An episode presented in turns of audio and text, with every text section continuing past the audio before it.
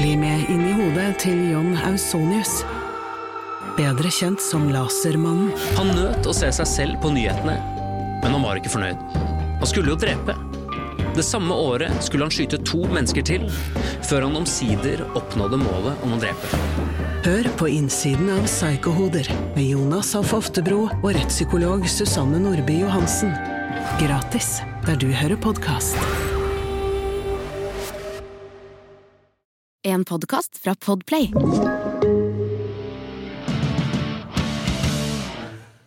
Åh, vet du, dette, dette har vært en av de beste dagene på veldig lenge for meg. Oh, så det, det var hyggelig å høre. Ja, men Tenk så deilig. Sitte her og snakke om eh, musikk og, og ha det fint.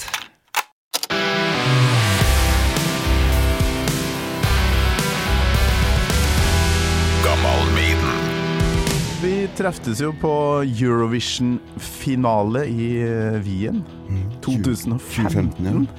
Da var vel begge like overraska, kanskje? Ja, vi var det. Eh, muligens. Ganske overraska da jeg ble spurt um, Spurt i 2010 om jeg ville kommentere Eurovision Song Contest. Ja. Det var Klaus Wiese som ringte. Jeg hadde vanvittig vondt i huet, og jeg trodde han bare hadde sånn prank call, som man av og til gjør. Snakka nordlending, tror jeg. Ja. så, så da sa jeg bare ja, da. Og så viste det seg at det var jo alvor. Eh, og så tenkte jeg at ok, men det, det blir gøy, det. Og da skulle vi arrangere det hjemme da i Norge. Så, så det var jo stor fest. Det var kjempegøy. Det her blir interessant, altså. Det er jo ingen hemmelighet at du elsker bl.a. Dimmu Borger og har sittet og kommentert Grand Prix i årevis. Gjør ikke det lenger nå? Nei, jeg slutta i 2019. Ja, ja, ja. Så herre, jeg gleder meg skikkelig, og så må vi jo innom Maiden. Jeg håper det er greit for deg. Veldig gjerne Ja, innom Maiden. Jeg er veldig, veldig. glad i Maiden. Ja, så bra. Du, da kjører vi på. Det gjør vi. Gammal Maiden. Med Torkil Thorsvik. Olav Viksmo Slettan, hjertelig velkommen til Gammal Maiden. Å, tusen takk. Takk for at du kom på veldig kort varsel og alt. Det var jav i din munn fra start. Ja, men eh, naturligvis. Altså, jeg syns jo det er kompliment å bli spurt om å komme og snakke om Maiden. Ja. Gammel og ny. Vi var innom eh, litt i smalltalken her. eh, Grand Prix-sirkuset. Du er litt ferdig med det, men eh, Så det var, det var helt tilfeldig at du eh, dykka inn i det universet der. Jeg, jeg Ja, så jeg ble ble dere- spurt, eh, og liksom når du blir spurt om å gjøre en ting som er en stor jobb, eh, så er det jo vanvittig gøy. Mm. Eh, Selv om jeg, jeg hadde vanlig forholdet til Eurovision som alle andre hadde, så på det da jeg var liten og syntes det var kjempegøy.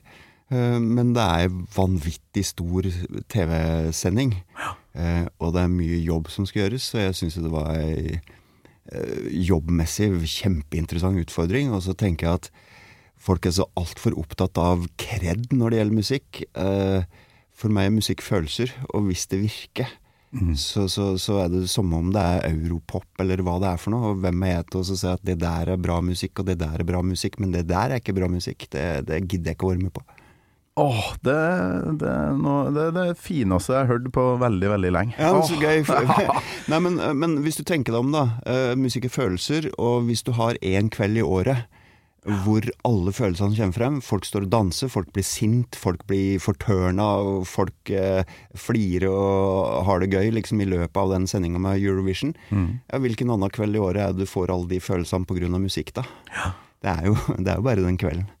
Jeg var helt overvelda når jeg var inne i det presserommet, og ikke minst bare inne i salen en tur for å se hvordan det egentlig var. Det, Ja, det er gøy, sirkuset. da. Å, fy flate. Men det som er, var veldig gøy med Eurovision, er at når du går der, og så hører du sangene og opp igjen og opp igjen og opp igjen, for jeg er på alle Jeg var på alle prøver. Absolutt alle prøver satt jeg og jobba og hørte på. Så etter hvert så sier jeg ja, den låten der, den er jo kjempefin. Den der, den var fin. Den, og den der. Ja, for du får det. Så alle låtene blir fine, da. Ja, du- ja, ja, ja. Du får det Det blir hjernevaska nesten. ja, det blir så. Du har et headset på sida der, kan du ta på deg det? Ja, det kan jeg vel. Jeg har allerede ett rundt hasjen, men det er mitt private med Ikke sant? For jeg er jo gravende journalist og har jo funnet et klipp der du avslører at uh, det kan bli litt meget på, på Eurovision. Da. Her er det um, Hva heter hun uh, reporteren igjen som uh, valsa rundt i gangene der? eh, fra, Spørs hvilket år. ja, det er nordlendingen eh, som vi snakka om. Hege Bakken Riise, ja. Hege Bakken, det er hun som Fantastisk god kollega. Ja, hun snakka med deg her, vet du. Hør på det her. Det er morsomt å høre på det, og etter ei uke så syns jeg alle er like fine. det er helt sant. Du blir ikke lei heller?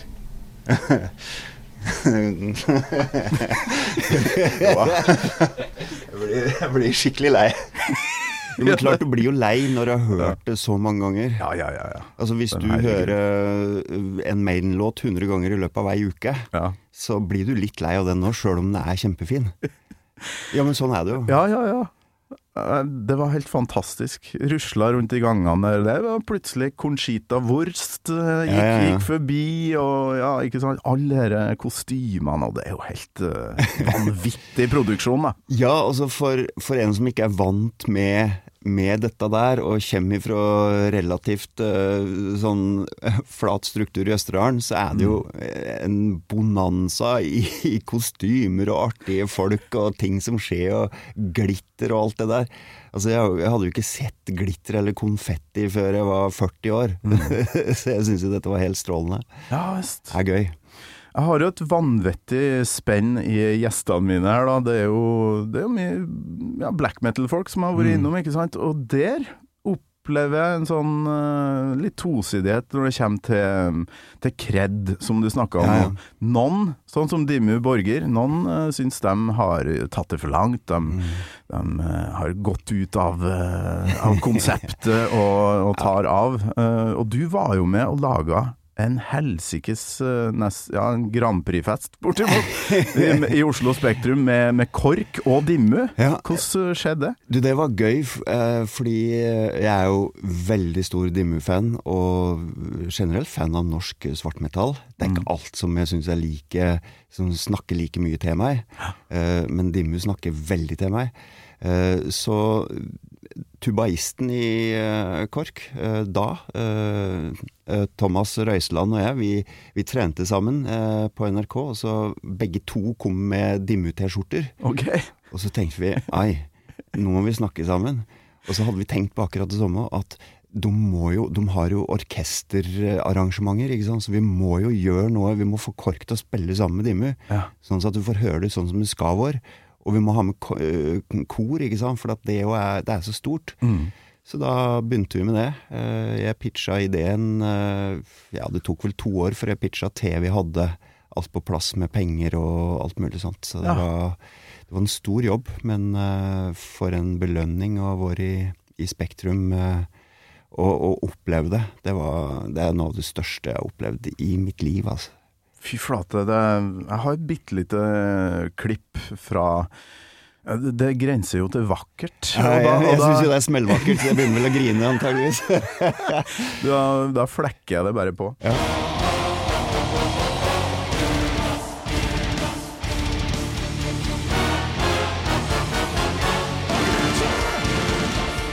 Så kommer Magnete.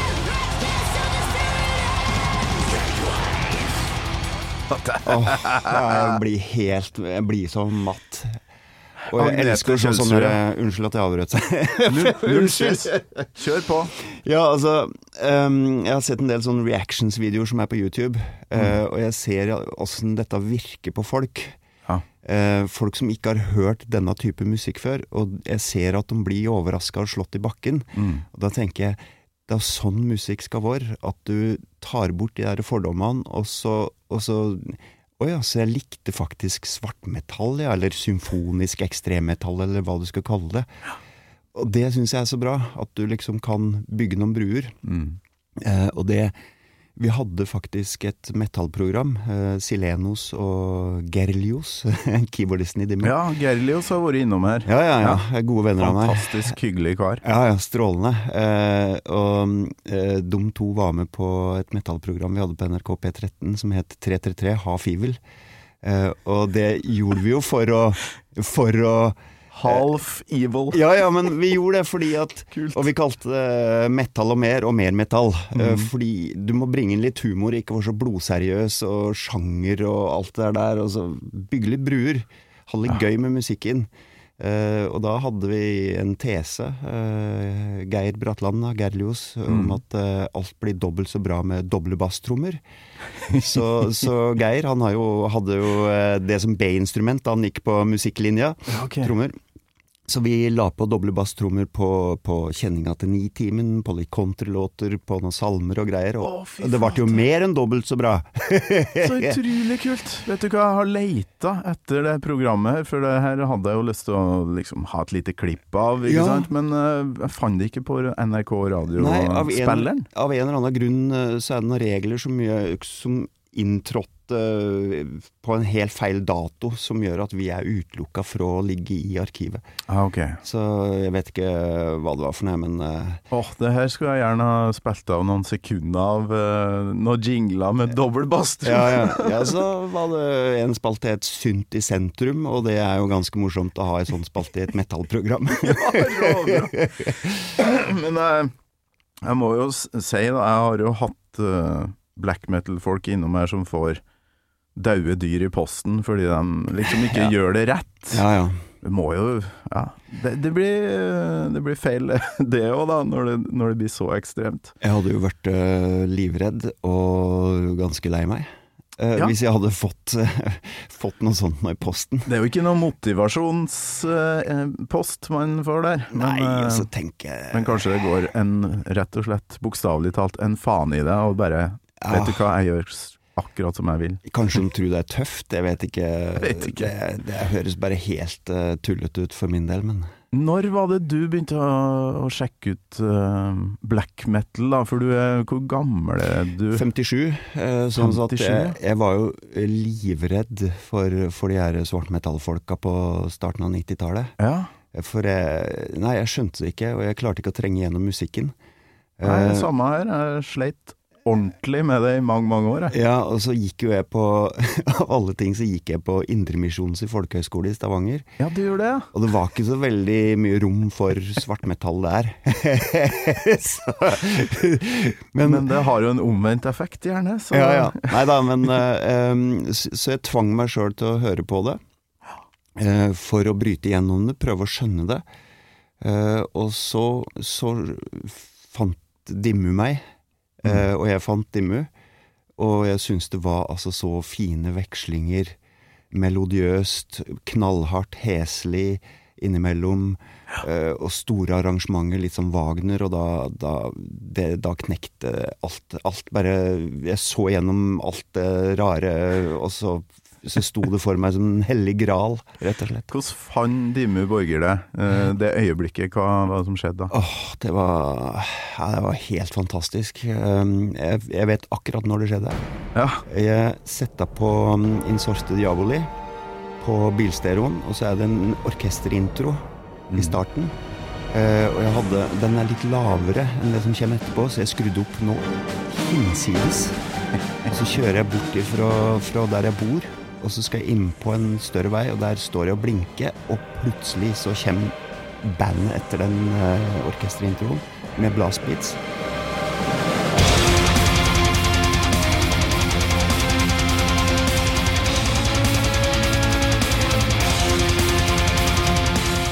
Jeg fikk hjerteflimmer, og det var altså så høyt at det bare omtrent slokna.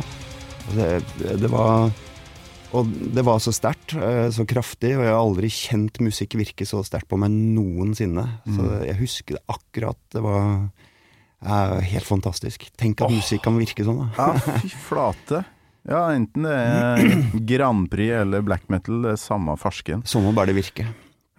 Og jeg ser at de reaction-videoene de gjør det jævlig bra, så kanskje jeg skal begynne med det. For jeg griner, jeg griner jævlig ofte når jeg hører på musikk. Ja, jeg er jo lettrørt òg, da. Kanskje Eh, du òg skal sette opp et kamera og ja, høre på musikk? Skal vi slå oss sammen, og så kan vi høre på ja, altså, to Jeg burde jo høre på gladjazz, for det skjønner jeg ikke bæret av. Ja, da sitter du bare og ser tomt ut i lufta. Ja, men det virker jo for andre, så, så jeg kan Ja, ikke ja. si at det ikke er Det må jo være helt greit å høre på det, men for meg virker det ikke det. Nei. Men du, på vei inn her eh, så snakka du om Jan Mayen. At du har vært der eh, med din tidligere kollega Geir Skau, som du møtte ute i gangen. Ja, vi møtte den uti her. Det føler jeg vi må eh, Kan jo minne meg på at vi må snakke om det, men jeg ser at vi har holdt på ganske lenge, og jeg, jeg liker å prøve å komme inn på mitt eneste faste spørsmål så fort som mulig, så vi tar Jan Mayen etterpå. Ja, ja, ja, ja. Husker du, Olav, eh, første gangen du hørte eh, Iron Maiden? Hadde du et sånn øyeblikk som Dimmu her, for eksempel? Eh, Jeg husker ikke Jo, jeg tror jeg husker det. Eh, Og da var jeg ikke Maiden-fan, Nei. men jeg jobba på en musikkforretning. Hagen Musikk på Tolga. Eh, Jeg tror jeg er den i. Norge som har solgt mest gitarer uten å kunne et grep. Og han, Pusha gitarer. han, han ene som jobba der, han var Maiden-fan, eh, og han eh, setta det på. Og jeg var egentlig mest inne i bassfunking på den tida. Men eh, det jo smalt ganske godt, så jeg da Funk, altså sånn Ja, slap. Altså Ja. ordentlig bassing, da. Primus og Red Hot og sånn. Nei, nei, nei. nei. Eh, Stanley Clark, eh, Tetsuo Sakurai eh, Oi, oi, nå- ja. Lassevis med bassister, rett og slett. Ja, men, eh, men det var òg ikke sånn som Dimmu første gang, men uh, jeg, det smalt i knollen på meg med, med Maiden òg. ja. Og jeg har jo intervjua både eh, Harris og, og Dickinson. Du har det, ja. Ja, jeg har til og med fiksa så Bruce Dickinson kunne få fly uh, egenhendig i en Freedom Fighter FM i Norge. Uh, Altså, det er en sånn uh, gammel jager ja, jeg, Gammelt jagerfly, er ja, ja, ikke det? Jeg, har, jeg har faktisk, det høres skrutt ut, men jeg har fått sitte på det ganske mye. Yes. Eh, og det er fantastisk. Satt du på med Bruce? eller? Nei, det ble ikke så han fikk fly, fordi at de skifta generalinspektør i Luftforsvaret da. Å nei! Og da han så ikke verdien eh, PR-messig med å ha Bruce Dickinson eh, i et eh, Freedom Fighter. Jeg vil si at han tok feil, og jeg hadde rett. Ja, det skal du ta deg faen på. Det Ja. Nei, det var Steike ta, men eh, hvordan hvordan anledning var både Harris og, og Bruce, liksom? Nei, det var en sånn pre-listen-ting. Eh, Da Ja. jobba jeg sommeråpent, så vi lagde noen innslag. Så jeg fikk synge Så album var det, tror du? Det var typ sånn Brave New World-tida? Ja, det var rundt der. Ja. Eh, det- det går litt i surr for meg, sånne årstall og Ja, ja, ja. Men det høres jo helt nydelig ut. Det var men, gøy. eh, Men du var altså da Fikk Maiden i monitor i, eh, på Tolga. For du har jo en sånn utrolig koselig, men forståelig dialekt. Tusen takk for det. Hvis du reiser litt lenger sør, tror jeg, så, så blir det vanskeligere å forstå. I hvert fall for meg, for det, er ikke så langt unna Trøndelag, er det? Nei, vi er egentlig på grensa opp til, til Trøndelag, Røros. Ja, ikke Eh, sant? Det er mye slekt på Røros. Um, Sånn at vi har noen sånn bilene og båtene og litt sånn trønderendinger. Ja, og så har vi litt østerdøl, da. Mm. Så vi bryter på begge deler. Tolga, ja. Hvor gammel var du da når du da fikk inn uh, noe Maiden? uh, Ja, Tror du? Kanskje var uh, 17, 16-17. Det var jo litt sent for så vidt. Men jeg hadde første skiva jeg kjøpte, var Deep Purple in Rock.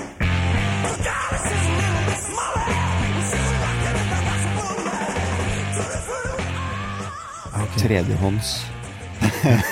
Kjøpt for 12 kroner og 50 øre. Lassevis med hakk og brennevinsflekker på den. Um, uh, men det var sterkt. Og så kjøpte jeg Thin Lizzie, og så kjøpte jeg um, Black Sabbath. Det var de tre første skivene mine. Jøss.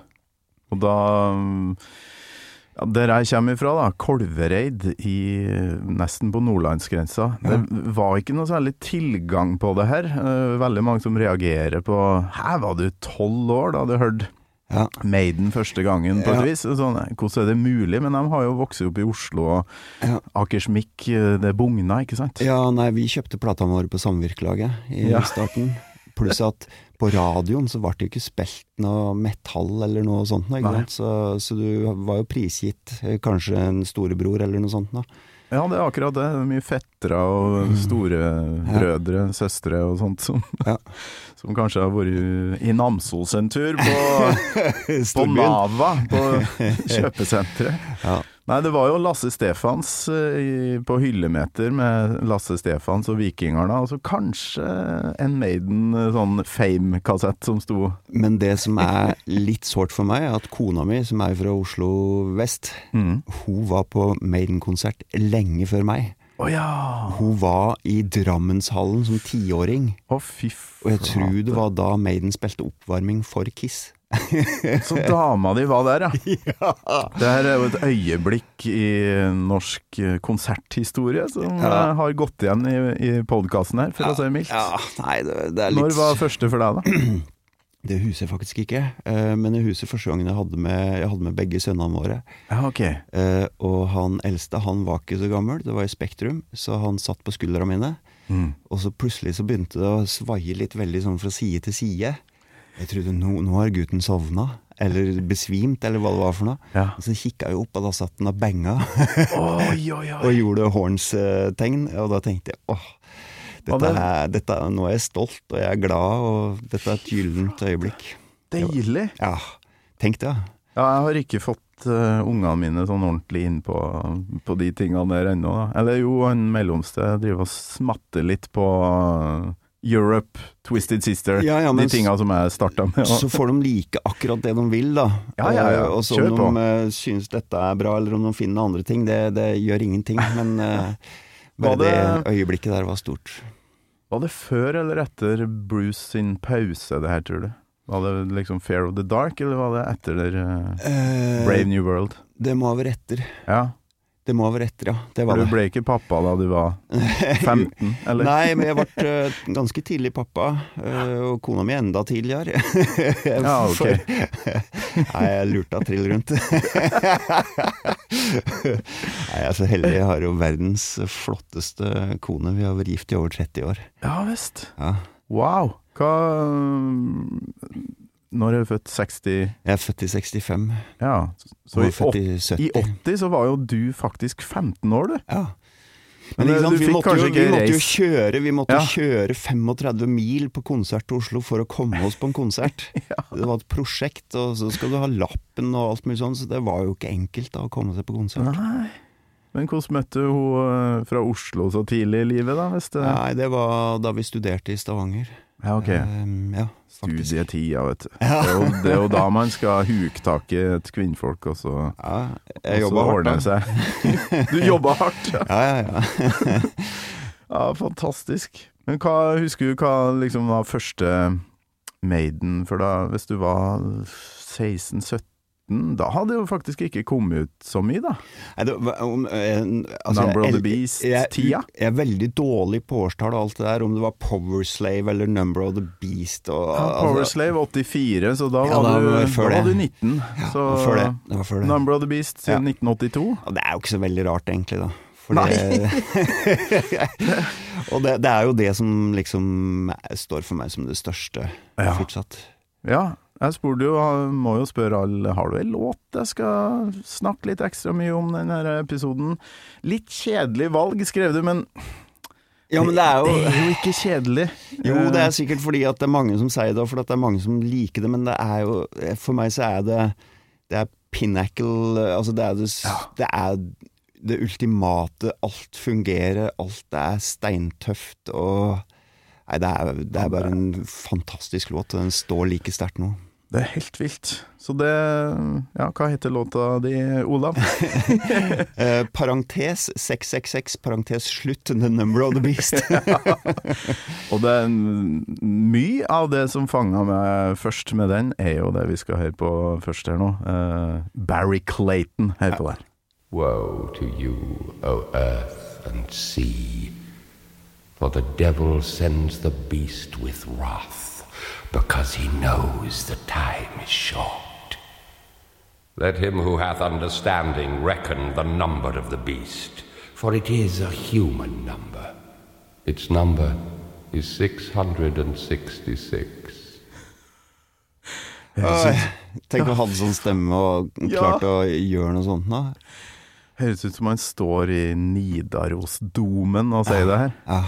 For en klang. Ja, så ville de vel egentlig ha han klassikeren sjøl, da, eh, som eh, var på thriller, men eh, Ja. så fikk de Clayton i stedet, og han har en lokal storhet. Vincent Price. Mm. Tror ikke det har blitt like bra, faktisk. Nei, jeg tror ikke heller. Nei. Jeg syns dette var et fantastisk valg. Æsj, nå får jeg tårer i øynene igjen. Ja, du gjør det. Jeg kan, jeg kan redde deg med noe som gir enda mer tårer, for det er jo teit å ikke sette i gang låta. Ja, da blir det enda verre, da. Ja. Blir noen sekunder med intro. left alone. My mind was blank. I needed time to think to get the memories from my mind. Jeg lagde ei T-skjorte med 'My mind was blank'. Ja, du gjorde det, ja. Hva var det jeg så eh, Jeg lurer på om det var det programmet jeg sjekka ut på vei til jobb i dag, da. Et kveld, det kveldsprogrammet ditt. Ja, Slettan og Martin tar kvelden. Ja. Altså ikke bokstavelig talt, men eh, det var noe kveldssending. Skal vi se om jeg finner, for jeg noterte meg hva som sto på T-skjorta di. Black is my happy color. ja, ja, ja, ja. Men det er det. Litt charcoal etter du har vaska ja. tinga en stund, men eh, eh, jeg har ja, eh, tydeligvis, da. Black is my happy color, og så har jeg naturligvis 333, uh, Half Evil. Og på metallprogrammet vårt så hadde vi jo 333 The Number of the Best, naturligvis. Parafrasering. number of the best. Fantastisk. Nei, for det, du er et eh, godt bilde på hva gammal Maiden i hvert fall prøver å være. Da. Et bevis på at uh, metal-fans fins overalt. Du er jo kanskje den, en av de mest koselige typene man ser på TV og hører på radio. Ja, Hvis det er et kompliment for Ja, deg, så håper, jeg, det håper jeg det er for deg. For det, det, det er det virkelig. Et synes- forbilde for oss som jobber i radio. Bare sånn få folk til å trives. Ja, men altså, hvis folk kan være koselige og trivelige, så er jo det det beste i Ja, verden. Men det er det fine i metall, det har sikkert du òg merka.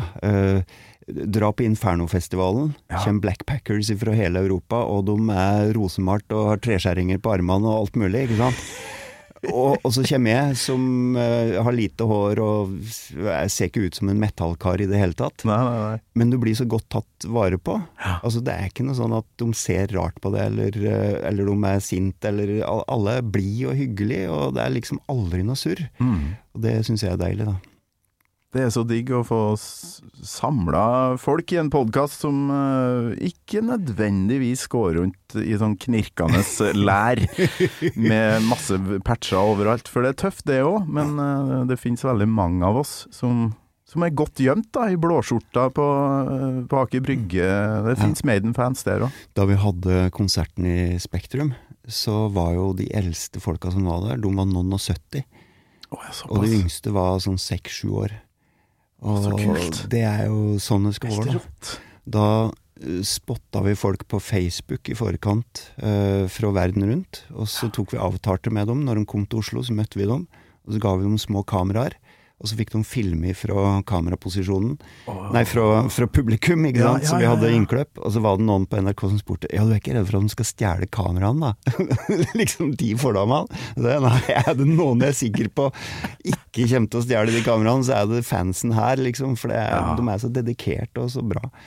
Ja, tenk å få med noe eget footage i en uh, Ja, så, det så står du på kredittlista på slutten, liksom. Det er jo ganske kult, det, da. Ja, ja, ja, ja. Fantastisk. Ja, det var gøy. Ja, for det mm, Du fremstår uh, koselig, og så sitter du med Dimme Borger-skjorta på Ja, når du ble intervjua i det klippet her i stad, ikke sant. Og det mm, det er faktisk flere borti gangen her som har Du, han der er Slettan i NRK. Jeg så han på TV her, han hadde på seg sånn black metal-skjort. Skal jeg ikke invitere han, da? Og så har jeg jo tenkt på det, men så Ja!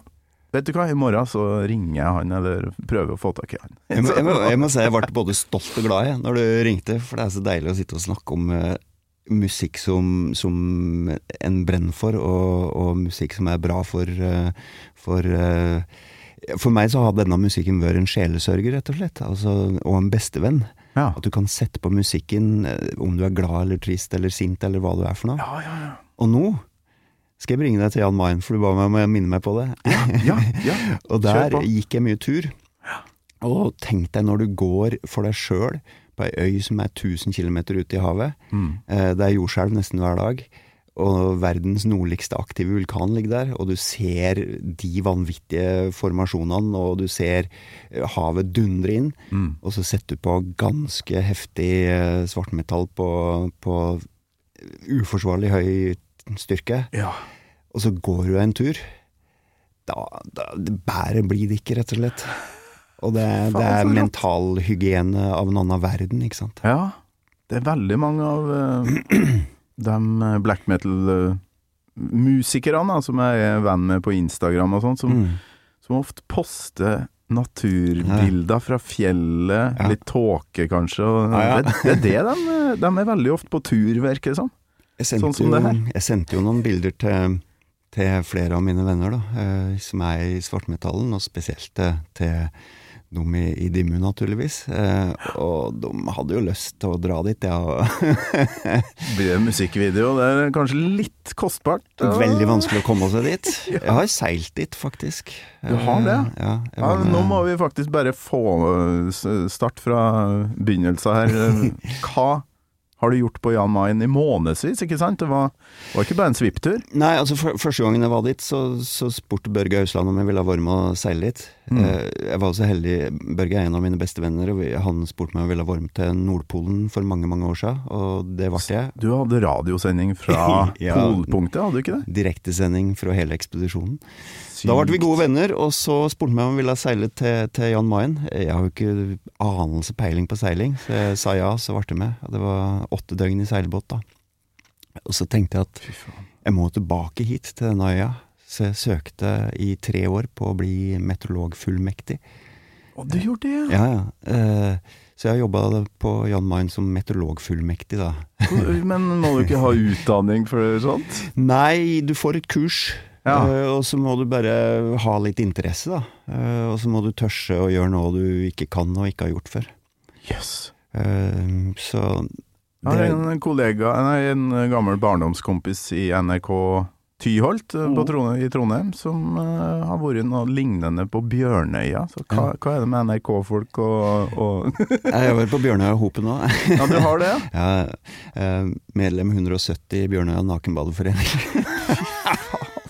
Uff a meg. Altså, du, du trekkes litt mot den her litt en, ensomme tilværelsen der? Ja. Hva sier kjerring og unger til det? For, nei, altså Det er jo det at jeg har veldig fantastisk fin kone som lar meg få gjøre sånt. Ja.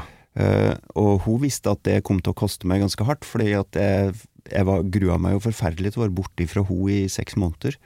Eh, det, det, jeg angra jo forferdelig når vi skulle dra. Uh, men så tenker jeg at dette klarer jeg jo. Mm. Og så kommer det til å bli noen runder innimellom hvor du lengter hjem igjen. Mm. Men det går over. Og det er noe med å utfordre seg sjøl, akkurat som med musikken. Jeg må prøve å finne ut av hva er det med svartmetall. Mm. Hørte på det, hørte på det, hørte på det, og knekte koden. Eh, Og sånn er det litt med, med å gjøre andre ting òg, som du egentlig ikke kan, og som du egentlig ikke tørs. Ja. Så må du bare stå på litt og tørse. Fy flate. Så Det er noen følelser som kommer inn der som er veldig sterke, og som du kanskje er redd for, men uh, du klarer å overvinne dem, ikke sant. Og da, da er du jo litt større på andre sida av, eh, av den uh, kneika. da. Så du kom hjem nå i høst, eller? Kom at eh, ja, månedsskiftet september-oktober. Ja. Eh, det var rart. Ja, hvordan er det å se eh, kjerringa, som det heter på god Ja, ja, ja. ja, men det er et godord i vår dialekt. Ja, det er veldig fint, syns jeg. Hvordan var det å se kjerringa igjen, da? Det var fantastisk. Men eh, vi hadde loddtrekning eh, på Det er noen få ledige plasser på det første flyet som kommer etter fire og en halv måned. Ok. Og så var jeg så heldig at jeg fikk en plass, og Hilde kom opp. Og fikk oppleve øya sammen med meg en ei uke. Oi, oi, Fikk treffe vennene mine oppe der, gått i den naturen. Og, så, så hun vet jo òg nå mye av hva jeg kjente på og opplevde oppå der, ikke sant. Så Ja, det er vektig, ja. er dobbel, dobbel glede. Ja, for det er vulkansk. Det, det lager jo noen utrolig spesielle formasjoner. Ah. Jeg har vært på vulkansk øy sjøl, nemlig i seks måneder, men det var i Oi. tropiske strøk. Oi, det hørtes Ja. litt deilig ut, egentlig. Reunion på engelsk. La Ja. Réunion utafor Madagaskar. Ja, det er fint å, Sjuke fjell, altså. sjuk, eh, det er fint å fly paraglider der. Ja, masse folk som holder på med det. Ja, jeg, har, jeg fløy paraglider i noen år, eh, men jeg dro ikke til reunion. Jeg syns det var litt for langt og dyrt for meg. Det er jævlig langt. Men eh, nei, det, det er jo en uh, gigavulkan som har kollapsa og laga tre dalsøkk. Mm. Med all med forskjellig planteliv og dyreliv, og det er helt, eh, helt rått. Ja, vulkanen vår, da, Berenberg, eh, den, eh, den eh, er jo 2277 meter høy. Eh, Så det er jo Norges lengste motbakke, for det er jo fra Ja, havflata opp. Så Ja. Vi brukte 18 timer da på den turen. Jøss. Det var, det var stort å stå opp av kraterkanten der, eh, tre år etter jeg hadde seilt over. Ja. Eh, For da fikk jeg ikke gått opp på den. Så det var et lite uoppgjort eh, oppgjør med Berenberg som jeg måtte eh, få, få sette på plass. Berenberg, ja. Mm. Er det Ja, hvordan er det i forhold til Galdhøpiggen? Nei, altså Galdhøpiggen er 2469, okay. Ok. så er dette 2277. Eller nå er det Ah, ny det- måling, så, så det er vel fem eh, meter lavere nå, men det er mer enn nok meter å ta av likevel. Kan jeg love okay. deg når du går oppover der. Ja, for den søkk uh, Ja, det er et eller annet med noen målinger og greier, da. Så, så er det sikkert noe smelte, smelting av is og greier. Men Ja, ja, ja. eh, Det, det ligger jo is der hele, hele året. Det er jo en isbre. Velkommen til Gammal vulkan. Eh, Vi skal nå over til en annen Vi skal over til Stillehavet. Ja, jeg ble litt mye vulkan her, men eh, vet du hva? Jeg er Ja, men hallo, metall og vulkan, det Ja, ja, ja, ja. Det er jo dommedagsjuvet der ring, The ring, the one ring skal Ja, ja, ja. kastes inn. ja. Neida, men eh, jeg er dypt fascinert av uh, den herre reisa man tar, og i hvert fall når du ferier fra kvinnfolket Mm. på så, i så lang tid. Ja, Men da er det noe tillit som ligger i- bunnen der. naturligvis. Ja, Naturligvis. ja, det er ikke noe Nei, og den tilliten er jeg så glad for at vi har til hverandre. Fordi at det, det er jo funda- fundamentet i livet, ikke sant. Ja. Eh, og hun skjønner at jeg kan drive med ting som er veldig viktig for meg, og jeg er motsatt for henne. Mm. Så, så det er om å gjøre å gi hverandre rom og, og muligheter. Det, det er vesentlig. Det høres ut som du har eh, funnet deg ordentlig, ordentlig bra Ei dame. kjerring som, eh, som kunne hatt en musiker som eh, Ja, som mann òg, for det, det er litt likt, da. Jeg, jeg har jo spilt i band eh, lenge, og fant meg heldigvis ei som ikke sitter og irast og tenker 'hva gjør han nå?' en, er backstage med masse damer, ja? Ikke sant? Så Ja, det blir det er- litt samme greia. Der er, der er Hilde veldig avslappa. Hun vet greit. jeg ikke er backstage med noen damer. Men var det noen damer på Jan Mayen? Ja, fem stykk. Veldig flotte, flinke, trivelige, solide damer som uh, interessert i tur, interessert i å jobbe på en annen måte. Ja. Ordentlig bra damer. Og hvor lenge er man der? Nei, Slenge? det er jo seks måneder, da. Alle Seks? sammen er der i seks måneder, da. Steike, da. Så skiftes alle ut. Ja. ja, man får jo sikkert et uh, heftig forhold til dem som man jobber med der og da, da. Ja, ja, ja. Uh, og det, er, det var litt av grunnen til at jeg ville være der. Men du har et eget rom, eller? Sånn at du kan sove alene, i det minste? Ja, ja, det har du. det har du. Men vi låser aldri dørene av sikkerhetsmessige grunner, da. Så, Ja. så hvem som helst kunne gå inn hvis de ville det, men det gjør du ikke. Isbjørn, da? Nei, det har ikke vært der siden 1990. Ah, Ok, det er litt Så- langt unna. Ja. Men det var én plass de ikke var så glad i meg, og det var på trimrommet. For at jeg hadde jo mi spilleliste på Ja, det er litt enten-eller, det der, da. Så liksom når jeg spilte litt sånn gladsatanrock, så var det ikke så mange som var Så det var vel kanskje Det var ikke konflikt, men eh, det går jo an å slå av den musikken og se på noe Britney Spears i stedet. Ja. Apropos glad satan. Mm. Um, har du forska på teksten på 'Number of the Beast'? Husker du om det liksom satt og hørte etter hva er det det her Nei, egentlig du- handler om? Nei, det er, det er mer står for meg som en, som en drøm, bare. Altså, I left alone, my mind was blank. Eh, kanskje, Yes. kanskje litt, litt Ja. småfull òg. Jeg tror det er en sånn fin blanding han eh, hadde. Det står i hvert fall i alt av biografier og sånt som jeg har lest, i hvert fall Mm. at det er Omen 2 eh, Steve Harris hadde sett og fikk en drøm Mm. Som var rimelig heftig. Ja, altså hvis Noen du ritualer der, og demoner og Jo, jo, men de Ja. som vil kan jo lese Satan inn i Hotel California og alt mulig, så jeg, jeg orker ikke det der. Nei, nei, nei. nei. Og en del av svartmetalltekstene er jo sånn ja vel, hvor mye staffasje og moro og splatter og alt mulig sånt. Det, Ja, ja, ja. Men på 80-tallet så var det jo var det en bevegelse som var veldig imot alt det her, da. Mm. Trodde at det var livsfarlig å høre på det. Og Ja, så var det sikkert noen som, eh, som syns Altså for noen så var dette veldig viktig, at det var eh, satanisme og alt det der. Eh, Det har aldri tiltalt meg. Eh, Overhodet. Eh, jeg syns ikke Nei, det har ikke noe med saken å gjøre. Nei. Du, jeg har et spørsmål til deg. Det Maiden-fans er litt sånn delt eh, når det kommer til han vi skal høre på nå. Men eh, det her er vel noe av det, uansett hvilken leir man er i, noe av det råeste som er gjort på metall eh, vokalfronten her på det her.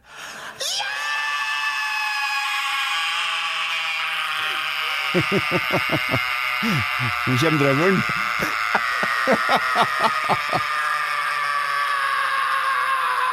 Night was black, was no use holding back, just have to see what someone watching me.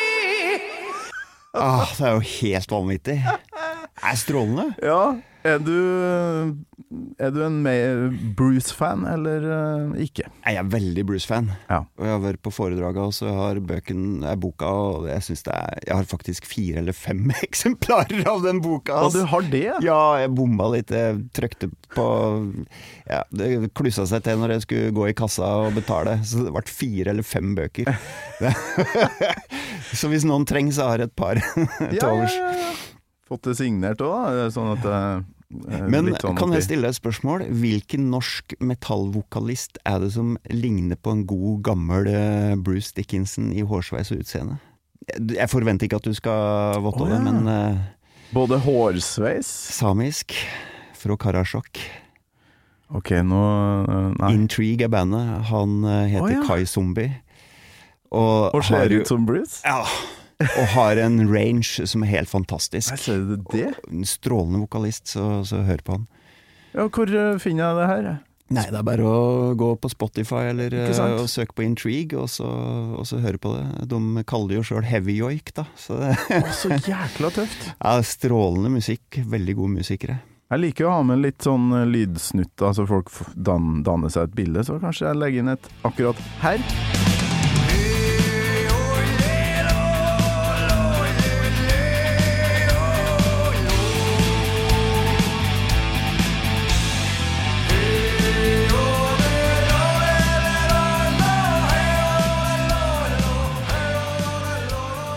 Det var et jækla godt tips. Du, du, sjekker ut mye sånn nytt og ja, du har ikke stagnert sånn som veldig mange gjør i, i metal-miljøet. Hører, jeg hører på gammel eh, Rainbow, og det, that's it. Nei, Jeg skal ikke skryte av meg sjøl, altså, men da jeg hadde det metallprogrammet, så, så hørte jeg ekstremt mye på forskjellig for å få det med, for jeg er ikke noe ekspert. Eh, men du må plukke litt, da. Uh, og så Nei. ehm, men det går jo mye i det like. Eh, men så har jeg oppdaga en del eh, sånn Butcher Babies, uh, Otep eh, Altså Jinjer, eller åssen det uttales. Ukrainsk eh, ja, de var jo på Tons of Rock, eh, ja, faktisk. eh, og der har du noen kvinnelige metallvokalister som Gud bedre de synger, altså. Ja, ja, ja. ja. Det er helt vilt. Eh, Det der syns jeg er spennende, faktisk. For det, det, det skjer jo sikkert mye spennende som jeg ikke får med meg, men Ja, det der er noe av det mest spennende, at eh, flere og flere damer kommer inn. Ja, altså, Og både spiller og synger. ja, og lik det eller ikke lik det. Når du har litt aggressiv eh, rapping inn i, i det hele, så jeg er ikke noen sånn hiphop- eller rap-entusiast, men uh, jeg syns det er ganske imponerende og tøft Ja, å ja, høre på. ja. Uh, så, så ja, jeg hører på mye gammelt, og jeg kan høre på ting opp igjen og opp igjen og opp men du må ha noe nytt òg. Så øh, Uff, nå plaprer jeg forferdelig, men jeg får sånne assosiasjoner. Jeg hørte på noen låter av um, Dimmu opp att og opp att og opp att, og så slo det meg Jøss, er det ikke en gris som grynter der? Og så spurte jeg Stian uh, Sjagerat, da. Ja. Er det ikke en gris der? Har du lagt på en gris, Stian? Og det hadde han. Ok. Og det, hvis du hører på flere av albuma, så hører du grisen grynte på flere Grynt, og ikke det For en gris som hyler, er jo ordentlig grynt. black metal. Nei, nei, dette er grynting. Koselig grynting. Sånn Ja. så, så du kan, det er oppgaven din til vi treffes igjen, når du skal finne, finne grisegrynt. Hvor mange er det, tror du? Sånn, Nei, det er i hvert fall Jeg mener å huske at det er tre låter jeg har uh, hørt med grisegrynting. Jøss. Eh, om det er Uff, jeg har sånn trøbbel med å huske. Det, om det er på Lightbringer på Evonian-albumet at du har litt grisegrynting på slutten. Der er det veldig lett å høre det, okay. uh, for så vidt. Jeg tror det er Lightbringer. kanskje jeg kan finne fram det òg, da.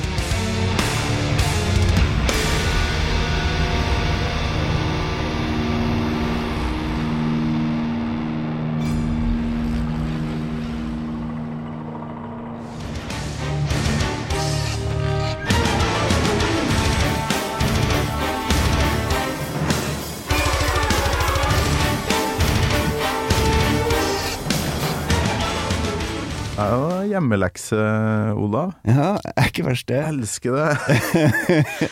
Men på um, turer i, i Mordor, Jan Mayen. Mm. Litt Mordor, eller? Ja, veldig Mordor. Ja, men kanskje veldig lyst i det halvåret du var der. Ja, øh, Ikke ja. så mørkt. Nei, det var mørkt i starten, og så mørkt på slutten.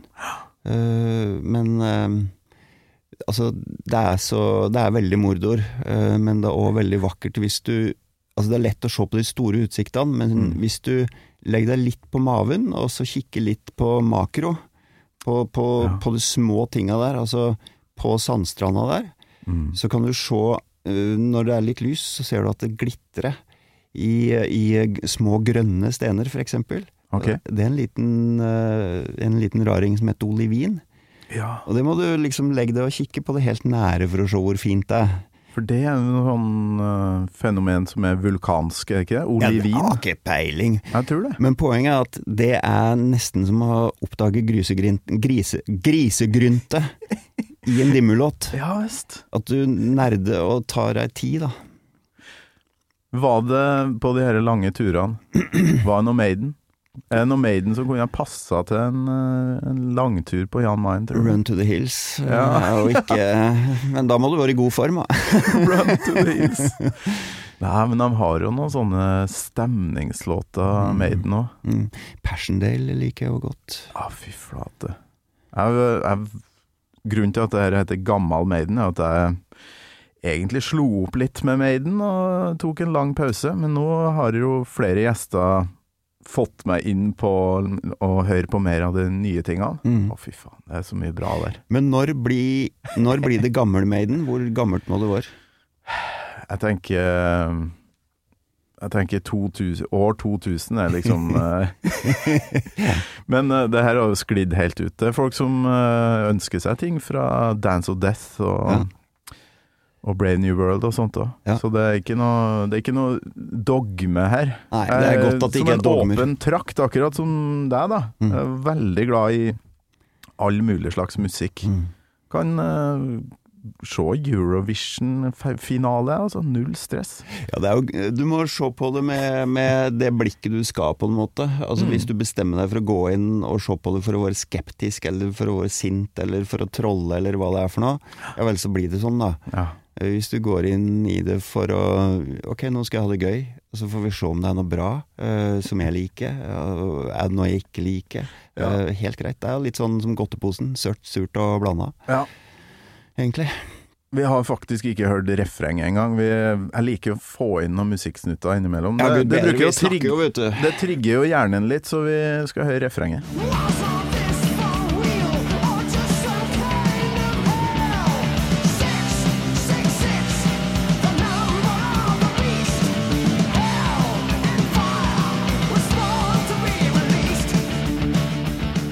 Det blir ikke bedre enn det der. Og bassen der òg. Jeg elsker bassen der òg. Å, godt at du nevnte den, for det er et øyeblikk i denne låta som er veldig viktig for Ja, meg som ja. Maiden-fan, for bassen er 50% av Maiden, for min del, da. Mm. Ja. Og du har møtt den, Steve Harris, altså. Det er en sånn barndomsdrøm for meg. Vi tok pushups sammen og sang uh, 'Forever Blowing Bubbles', Westham-låten. Jeg hadde tatt på meg Er du Hammers-fan? Nei, nei. Du har bare lært av det? Ja ja, men jeg hadde på meg Leeds-trøya mi, for jeg er jo Leeds-fan. Så det var jo eh, et sånt eh, lite hva skal man si, skisma der, hvor eh, hvor han så på meg og sa at jeg hadde Leeds-trøye, og frykta det verste. Hva er det som skjer med Leeds? Jeg tror du er åttende-niende gjesten har som eh, nevner Leeds, og som er fan av Leeds. ja, Da kan jeg spørre deg, hvor mange gjester har du som er født rundt 65, da? Pluss pluss minus noen år? Det er godt, godt poeng. Ja, det er jo mye I min eh, ja, rundt 78-modell så er det vel mye Liverpool-fans. Mm, mm. Så ja, det er jo en eh, Nottingham Forest eh, var vel òg et lag en periode, var ikke det? Ja, de er jo oppe i elite nå, da. Ja. Har kjøpt seg lassevis med spillere. Leeds skal faktisk møte dem i neste kamp. Ok. Det, det, det er en El Clásico bortimot, eller? Ja, nei, det er jo mot Liverpool og United og, og sånn som er de virkelig store oppgjøra, da. Ja, ja. Eller, eh, eller eh, sånn som da de lå i championship og skulle møte Huddersfield, eller Ja. Dog Botherers, som de blir kalt i Leeds. Dog Botherers. Hudders shit, som Å, de sier. flate. En av mine første radiooppdrag var et, eh, på Kanal 24. Gode, Ja, gamle, ja, ja, merkelige kanalen Kanal 24. Ja, en fin kanal, det. Pling, rock og fotball med, med Torkil Torsvik. Og så satt jeg og spilte uh, Jeg husker introen var basert på Def Leppard-låt. Den derre ah, ah, ah, ah, Are you excitable, eller hva det er for noe de sier? Ja. Gudududududung, Ja. Ja. Og så masse Maiden, masse Opeth fra Dan Eggen innom som sidekick. ja, ja. Og han var Opeth-fan. Og så satt vi bare og opp, oppdatert uh, både Premier League, Championship, League One og League Two. Og jeg måtte, jeg måtte jo lære meg dette. Dagenham and Ja. Redbridge. Ja. Måtte lære meg alle de ordene jeg aldri hadde sagt før. Men det er jo en eh, magisk blanding. Altså Ja. ordentlig altså metall og fotballnerding er jo superdeilig. Det her er et program jeg egentlig eh, kunne jeg tenke meg å starte på igjen. Ja, jeg har vært en Rock og fotball. Ja, ja, ja. Nei, jeg har vært i Leeds uh, mens de var på League One-nivå og Championship, og så må jeg over nå på Premier League, da. For en reise du må ha hatt, da. Det er bedre. Det er, uh... det er mye vondt. ja, men er det, klarer dere å nyte nå, som jeg har Ja. endelig er tilbake? Men eh, kona mi vet alltid når Leeds har tapt. Ja. Det, det, det er, der, ja. ganske gjennomsiktig der. Det er, det er tung, tung eh, periode, en par, tre, fire timer etterpå, så, så går det over, da. Ja.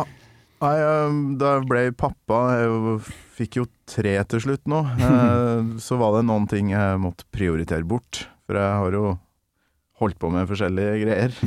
Musikk kunne ikke prioriteres vekk. Så det ble PlayStation og fotball. Det var de to tingene jeg faktisk nesten ikke har brukt tid på da, i tolv år nå.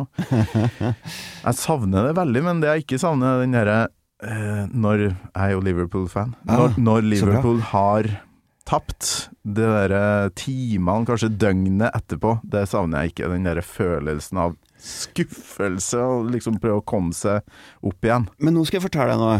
Det var et gledelig tap vi hadde eh, mot Liverpool. Ja, Det var første kampen eh, etter at eh, Leeds hadde røkket opp til Premier League. Okay. Det var mot Liverpool, eh, og Leeds tapte 4-3, tror jeg. Oi. Eh, Og vi var samla gamle Liverpool-fans og gamle Leeds-fans oppe på Grefsenkollen i Oslo. Okay. Satt og så kampen sammen. Jøss. Og jeg var ikke lei meg over at vi tapte, for det var, det var en storarta kamp, og det var helt eh, 4-3 er jo Ja, ja, det var jo kjempegøy. Ja. Uh, Så, så mm, det at Liverpool vant da, det gjorde meg ingenting, og vi var brødre og vi hadde det fint. så det var strålende. utrolig bra. Det er vel omtrent den eneste kampen jeg har likt å tape, skulle jeg si. Ja, den eneste. Og det var bra det var mot, mot Liverpool, så Ja, ja. Det er sånn det er. Fy flate, så digg. eh, Vi flakser i alle retninger her nå.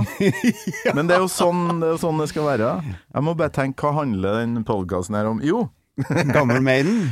eh, Og livet. Ja, det er en ting jeg må ha med før vi går mot slutten her. Mm. Tolga, for jeg er alltid interessert i eh, Ja. miljø, Mm. altså rock.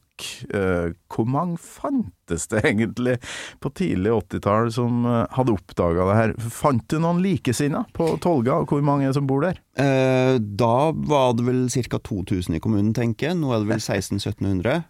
Eh, Så det er flere elg der enn det er folk nå. Ja, det er det helt sikkert. Men eh, jeg er veldig glad i hjembygda mi. Um, og nei, på den tida så vi, Det var en del som spilte i band, altså. Eh, Og sjøl om ikke Maiden var det folk klarte å spille i de banda, for det er jo ganske vanskelig, mm. så, så var vi jo opptatt av, av det, og vi møttes. Noen likte, noen likte Clapton, og noen likte Maiden, og noen likte Lizzie. Og, Ja. og så spilte vi band da, så måtte vi jo spille noe som gikk an å spille på lokalet. Ikke sant? Ja. så vi starta Tolga rockeklubb. Hva spilte du, da? Nei, jeg spilte tverrfløyte i skolemusikken, og ingen ville ha med meg i band, og det skjønner jeg jo veldig godt. Så du var manager eller eh, Yes, publikum? det var jeg. Ja, du var det! ja. Du ble liksom han fikseren? Jeg var slusk, eh, så jeg var med og rigga, og så prøvde jeg å mikse lyd. Eh, det var vel ikke så vellykka, så hadde jeg lysutstyr og sånt da, så var jeg manager. Wow! Band som het Headop. Eh, det gamle fellesslakteriet i Hedmark og Oppland het eh, Headop Å ja. før i Så bandet heta det? Headop, ja. Head up. På plakaten sto det 'Headop er blitt slaktet i pressen, men spiller likevel på', og så kunne vi skrive Alvdal, Tynset, Tolga. Fantastisk! Ja, men det der var jo en, faktisk en greie, husker jeg òg. Jeg ble jo vokalist, for jeg kunne ikke å spille gitar. Så jeg måtte jo bare. Mm. Og det, det var jævlig skummelt. Men det var bestandig noen som Vet du hva, jeg får Jeg kan ikke musikk, jeg, men jeg elsker miljøet her. Og så ble med. Ja. Sånn som du. Ja. Det råbra. Ja, vi ordna fra Headop slakteri, så fikk vi sånne slaktefrakker. eh, Og så fikk vi noe avkapp pølser og sånt, som vi kasta til publikum. Oi, oi, oi, Nå sa sier jeg vi, det var jo de som var foran som gjorde det, naturligvis. Men, Avkapp, ja. ja, så det var imagebygging. Det var jo tidlig Det var jo det mye av svartmetallfolkene holdt på med i starten. Nei, jeg tror kanskje ikke de eh, kasta wienere ut til publikum som setta stor pris på det, for de var sulten. Så det, Det var wiener, ja. Så det var ordentlig mat. ja, ja, ja, naturligvis. sånn- naturligvis. Altså, gi folket brød og sirkus. Ja, det var tanken. Ja, ja, ja. Så det var ikke noe makk eh, som kravla inni kjøttet? Nei, nei, ingen gikk sulten fra en eh, fest med head up. Og så Gartnerlosjen er bare å gå og legge seg. Det var et, en gjeng på Tolga som var lenge lang- før ja, ja, ja. kneippbrødene dem drev og Kneip, hvem vil ha kneip når de kommer fra wiener? Eller var det hva var hveteboller de drev og kasta ut? Loff, Jeg blir så gæren i magen Det var mye- eh, det var mye- hveteboller. Forskjellig type av mat. Ja. Så Gartnerlosjen på Roskilde i 97, og det det er en av de beste konsertene jeg har vært på. Eh, Fordi musikk kan være så mye forskjellig. Ja, ja definitivt. You're listening to a podcast. I'm Bruce Dickinson. You're not. And you're listening to Gamal Maiden. Åh, men er du en sånn ivrig konsertgjenger, du? Eller festivaler, Maiden? Ja, jeg skulle ønske jeg kunne si at jeg er veldig ivrig. Det er, mine venner er flinkere enn meg. ja. Så, og på grunn av eh, pandemien og opphold på, på Jan Mayen, så, så er det jo mange konserter som røk, som jeg hadde billetter til og sånt. Ja, du var ikke på Tons og så Maiden der, nei? Nei, jeg var ikke så dimmu der heller. Og jeg mista Rammstein for tredje gang. Ja, ok. Og, Den fikk jeg sett i 2019, heldigvis. Ja, da var jeg med uh, Dimmu på verdensturnéavslutning på Ja, det var vel i, på, i Dinkels... Hva heter det den er der? Dinkelsbyl. eh, Ok. Summer Breeze. Da Du var det hjemme dem Nei, jeg fikk sånn- lov til å være med. De er ekstremt snille og greie med meg. Ja, ok.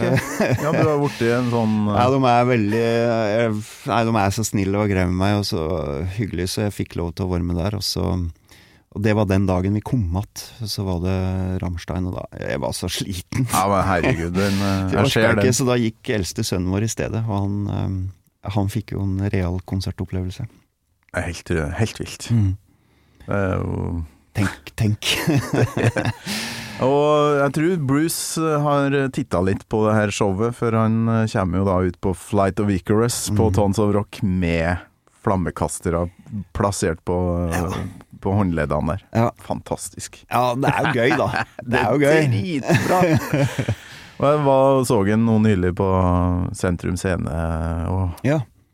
Og, ja, for når, da jeg starta Gammal Maiden, så husker jeg at jeg snakka med gjestene mine om at nå ser Bruce sliten ut, det her er nok siste runden vi får, og sånn. Og så ser jeg nå, og så har han bare Fy faen, så vital og Ja, det er jo- back in business, han. Helt uh, vilt at det går an uh, å klare å synge det han gjør, og, og springe rundt. Og han har jo en stamina som er uh, at det går an. Mm. Så jeg tenker ok, hvis eh, Nico heller ut på trommene og klarer, og Steve Harris ikke får for stive fingre, og Bruce Ja.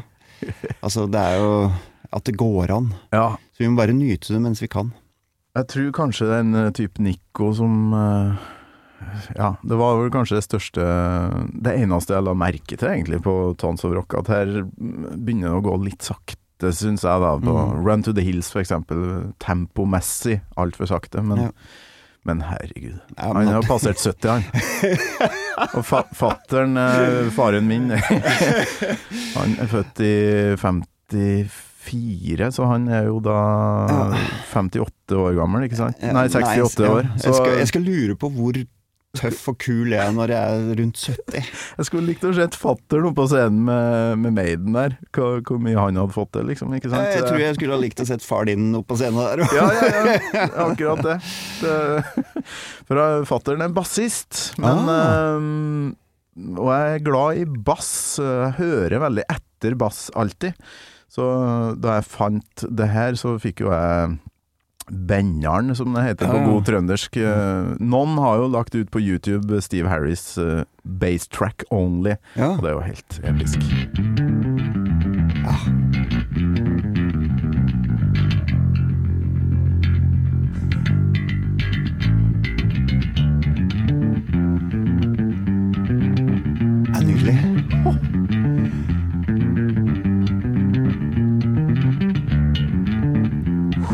På. Ja. Noen sånne små. Whoop. Han er med hele veien, liksom. Det er ikke noe, det er ikke noe problem der i gang. Nei, det er så Han er så til stede i låta hele veien. Men for meg så var det veldig morsomt å oppleve og oppdage egentlig metallbassister. Altså både plekter og fingerbassister, og litt eh, røffere enn For jeg kommer jo fra å digge bassister som, eh, som slappa og drev med Jeg syns det er håpløst å kalle det flinkis, men når du hører på Stanley Clark og, og Victor Wotan og alle de der han som er bare sånn hyperteknisk og spiller slap på, på kontrabass, liksom så, så var det Du blir litt Du blir litt sånn si, Du synes at metallbass kanskje ikke var det kuleste, men så var det noe sånn rått og brutalt og fingerferdig i det som, som eh, var tøft, Ja. syns jeg. Um, så, så det var gøy å oppdage bassister i metal òg.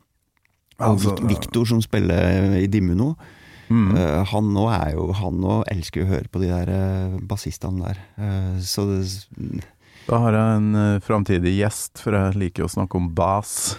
Du, da må du få med Da må du være forberedt på eh, ordspill. Ok. Altså, Dad de- jokes.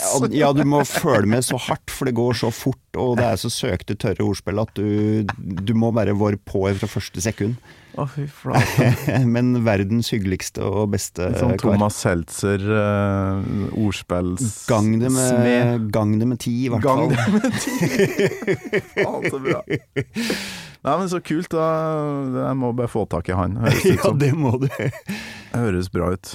Men når jeg hører Når jeg sitter og hører da på Steve her, så jeg bare ser for meg han den lille gutten Mm. som på et eller annet tidspunkt uh, prøvde seg på det her. Ble bedre og bedre og bedre.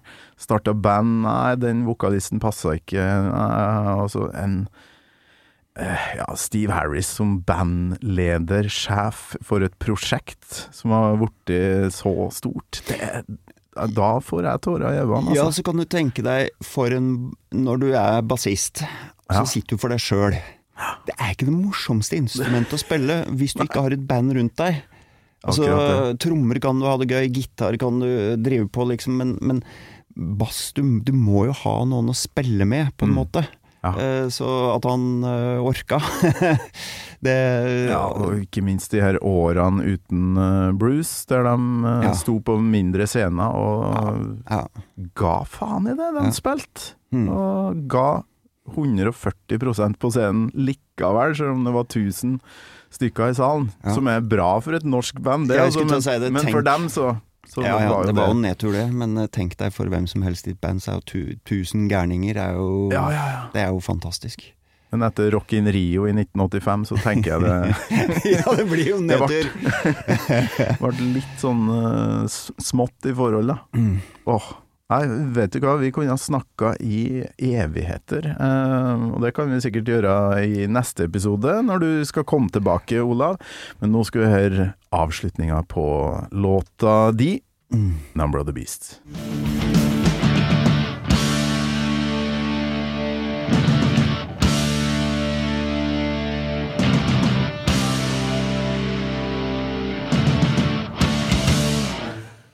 Åh, vet du, dette, dette har vært en av de beste dagene på veldig lenge for meg. Oh, det, det var hyggelig å høre. Ja, men Tenk så deilig. Sitte her og snakke om eh, musikk og, og ha det fint.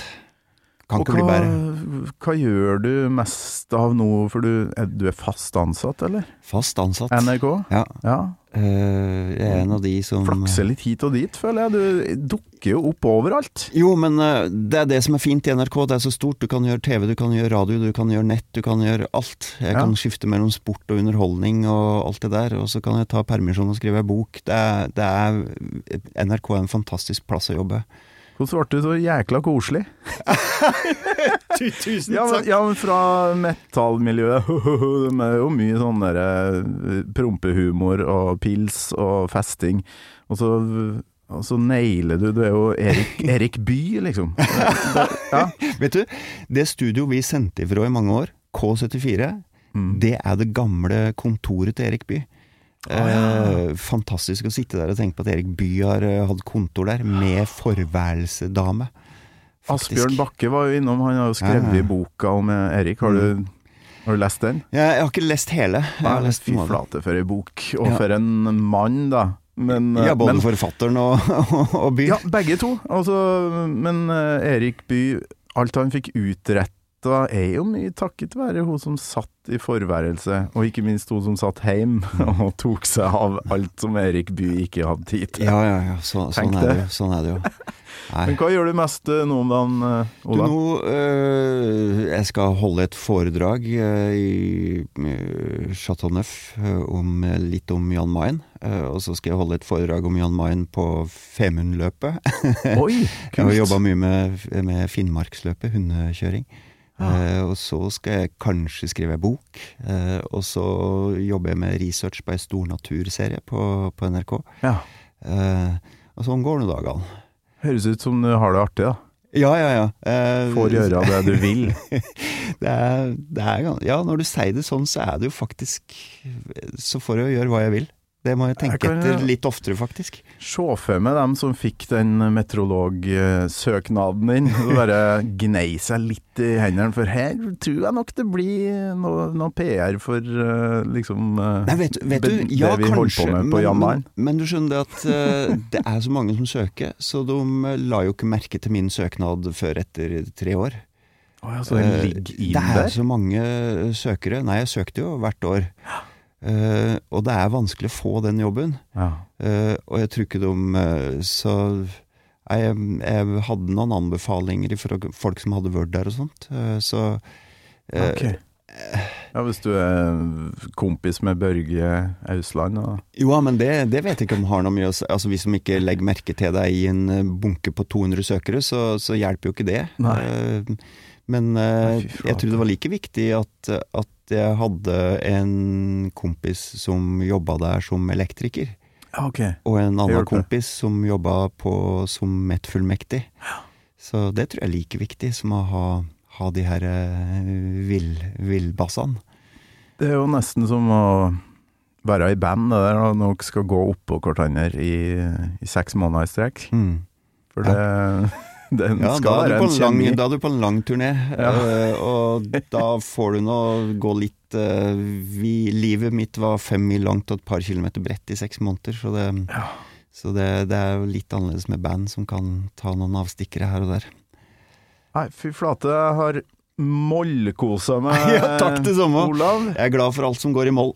Ja, nå, nå skal vi bare ta en selfie, og så skal du få ut i vinteren. Kan jeg få legge det ut på Facebooken min? Ja, ja, og episoden kommer om Ja, ikke neste, men neste der, tenker jeg. Juhu! Så da håper jeg alle lyttere koser seg halvparten så mye som vi har gjort nå. Ja, det håper jeg òg. Ja, for det her snakker du altfor lite om på NRK, ta så få i gang nytt metallprogram. Vi må vel ha tre Vær så til tre snill. half evil-latt, da. Ja. Half Evil 333. Tusen takk for besøket, Olav. Tusen takk for at vi fikk komme, og dette var stort. Gammal Maiden med Torkel Thorsvik. En podkast fra Radio Rock.